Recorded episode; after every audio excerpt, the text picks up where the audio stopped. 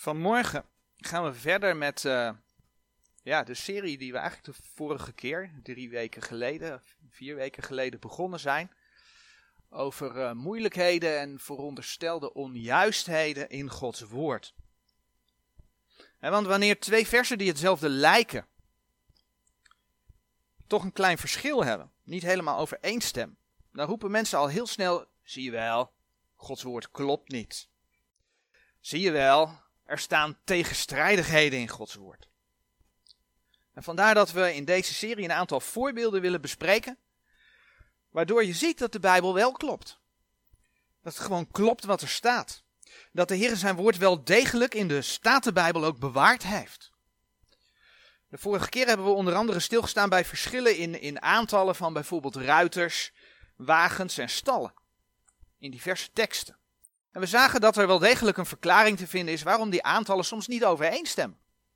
Er zijn dus verschillen die niet fout zijn, maar verschillen die er gewoon horen te zijn en die soms ook gewoon extra informatie geven. Vanmorgen willen we het over één vers hebben en dat is Ezekiel 47 vers 9 en hij staat op de dia, maar laten we hem gewoon opzoeken. Kun je hem gewoon meelezen.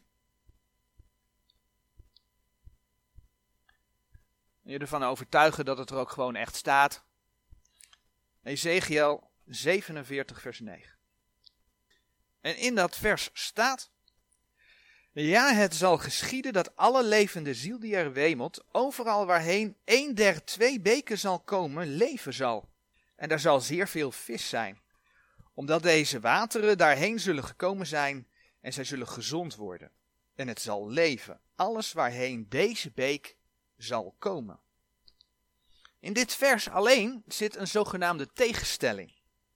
Het eerste deel van het vers spreekt over een der twee beken. Dat is meervoud.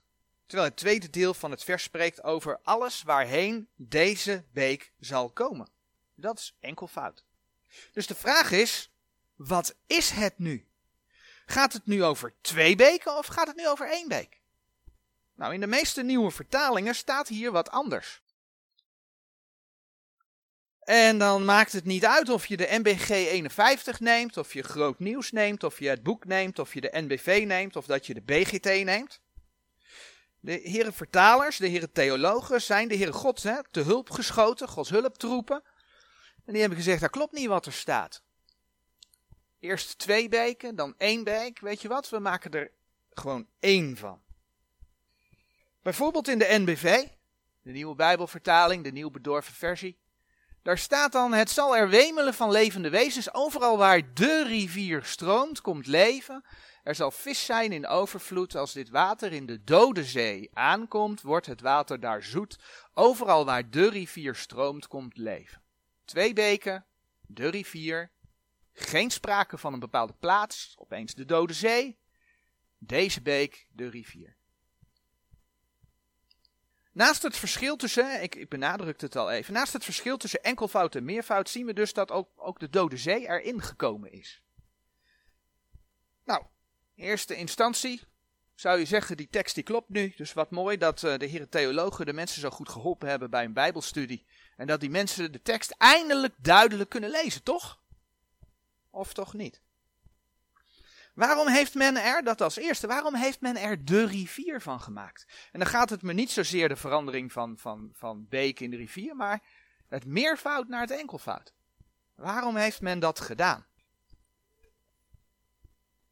Een van de redenen is dat men de context verkeerd uitlegt.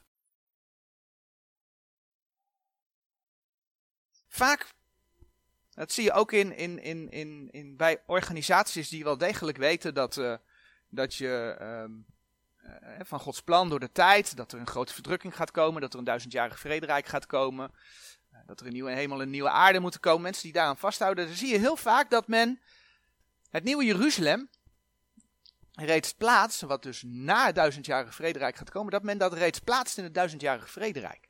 Dat zie je heel vaak gebeuren. Dat is een van de verklaringen waarom dat gebeurt, gaan we zo zien.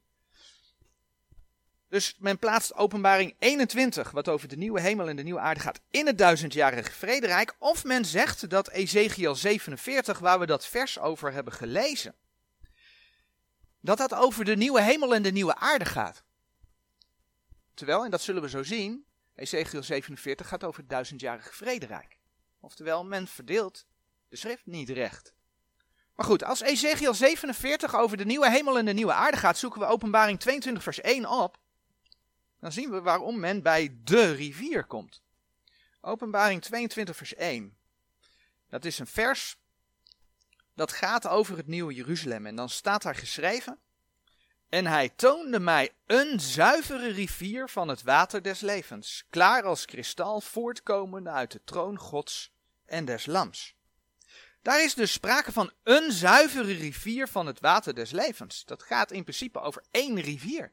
En dus redeneert men dan, dan moet in Ezekiel 47 ook sprake zijn van één rivier. Zo beschrijft uh, Ezekiel 48, vers 30 tot en met 35, tevens een stad met twaalf poorten.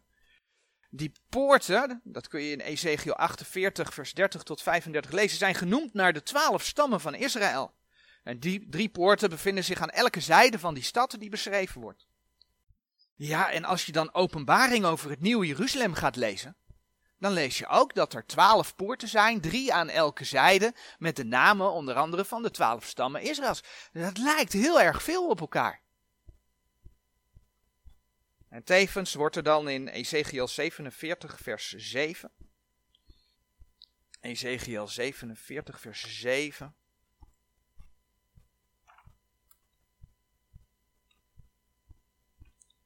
Gesproken over. Even kijken.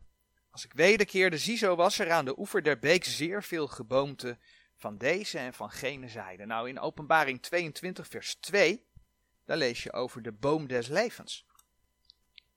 Die uh, aanwezig is. Openbaring 22, vers 2.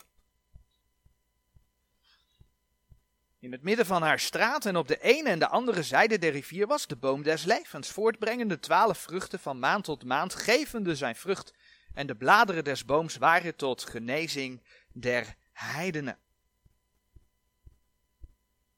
Dus zo zien we duidelijk overeenkomsten tussen Ezekiel 47 en Openbaring 21 en 22. Dus op basis van die overeenkomsten zou Ezekiel 47 dus hetzelfde als Openbaring 21 en 22 zijn.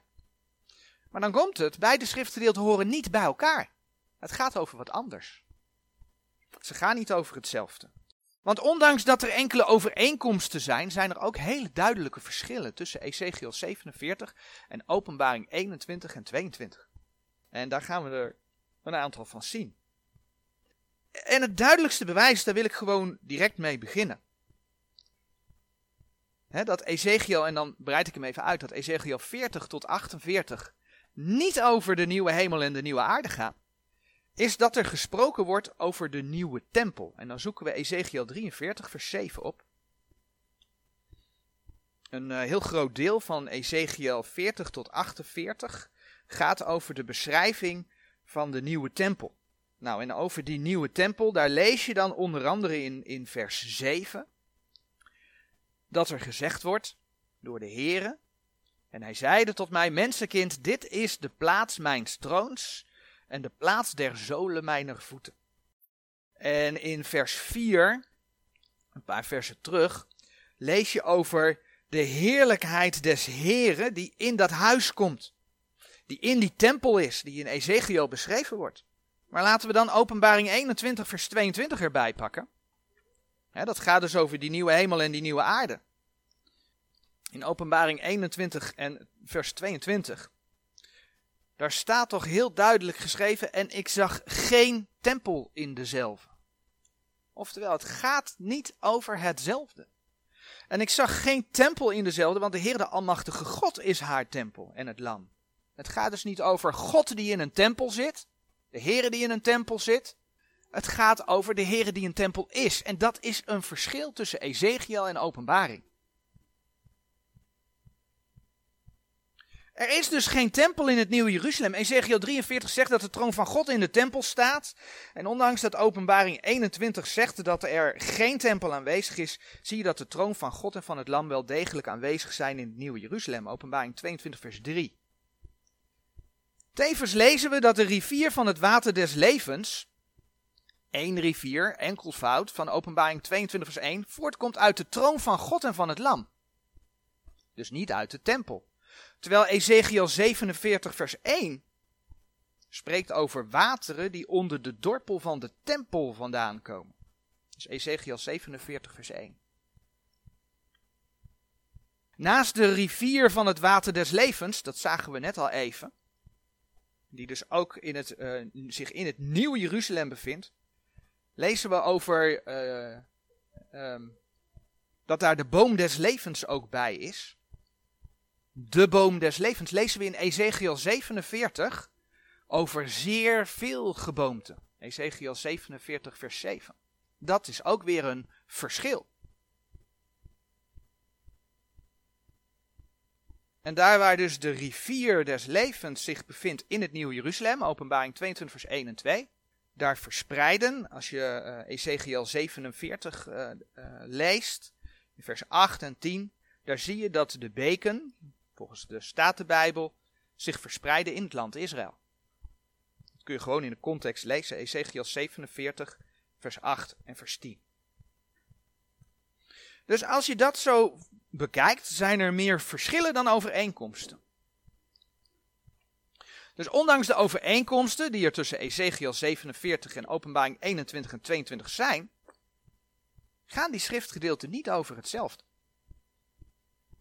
En dan is het mooi om te zien wat de context van Ezekiel 40 tot 48 is.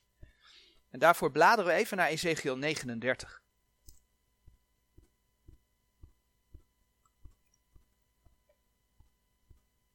In Ezekiel 39, vers 17 en 18.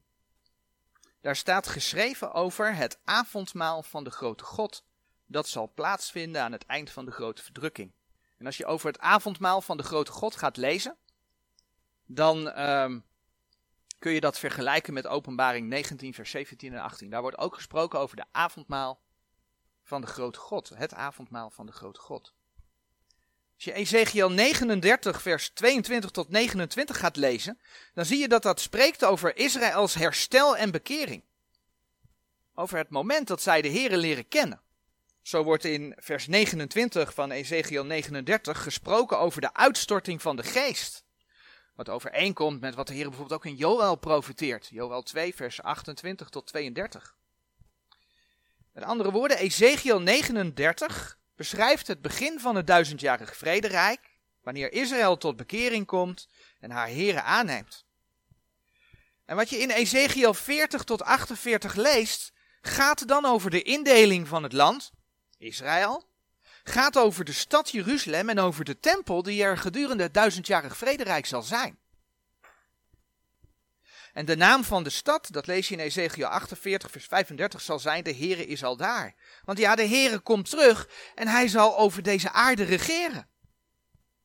Dus het gaat allemaal over het koninkrijk van de Heer Jezus in Israël gedurende die duizend jaren, terwijl openbaring 21 en 22 gaan. En ik blader even terug. dat gaat dus allemaal over het moment dat Israël tot bekering komt, aan het eind van de grote verdrukking. De Heere komt terug, zal met de zijne regeren op aarde. En pas als de aarde door vuur gegaan is en de hemel, dan komt de nieuwe hemel en de nieuwe aarde. Dat is veel later, daar spreekt openbaring 21 en 22 over.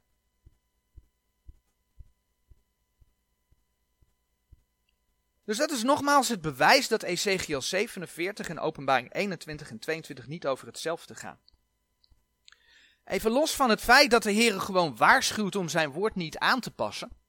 Die waarschuwing kom je op diverse plekken in Gods woord tegen. Hè? In de wet kom je hem tegen, Deuteronomium 4 vers 2, in het midden van de Bijbel spreuken.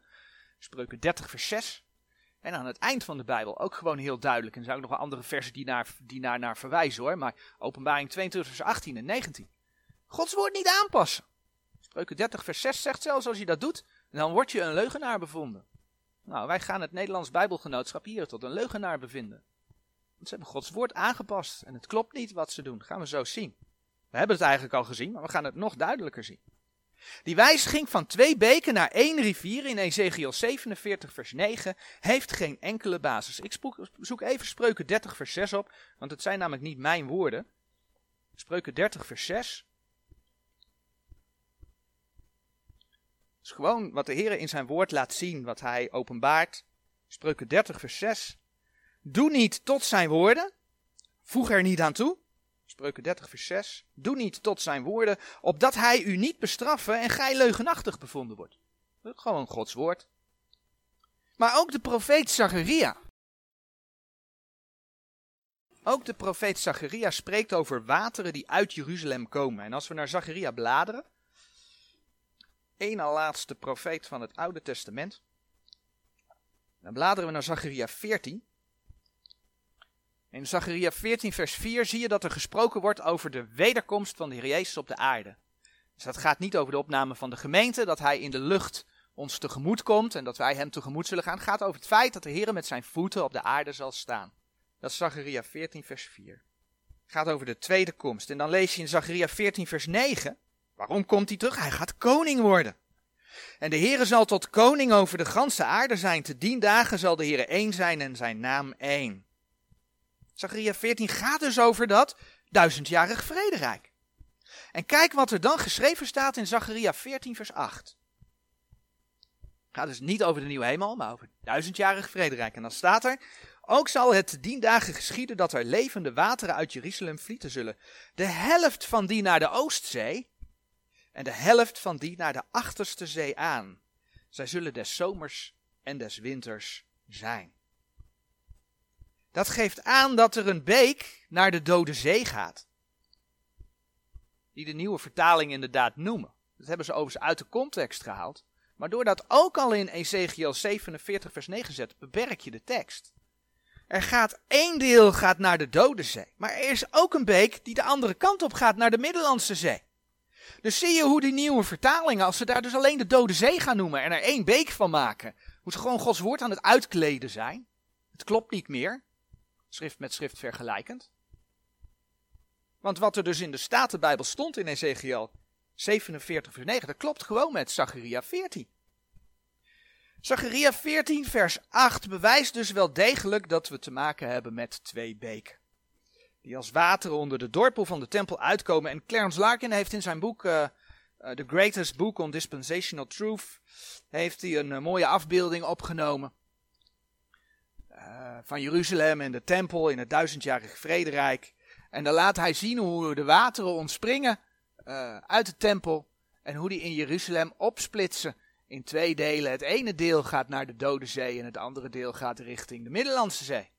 Gewoon een plaatje aan de hand van de Bijbeltekst gemaakt. Maar het brengt even in, in, in beeld uh, ja, hoe je die tekst, uh, nou niet hoe je die tekst kunt lezen, maar wat die tekst zegt. Ja, Ezekiel 47 lijkt dus deels op openbaring 21 en 22, maar het is niet hetzelfde. Hetgeen in het duizendjarig vrederijk, en dan komt hij, op de aarde aanwezig is, lijkt zoveel op hetgeen er in de nieuwe hemel en de nieuwe aarde zal, zal zijn, dat hetgene wat er dan is al een type is, een beeld is, van wat er dan in de toekomst nog gaat plaatsvinden. De dingen in het duizendjarig vrederijk wijzen dus al vooruit naar de nieuwe hemel en de nieuwe aarde.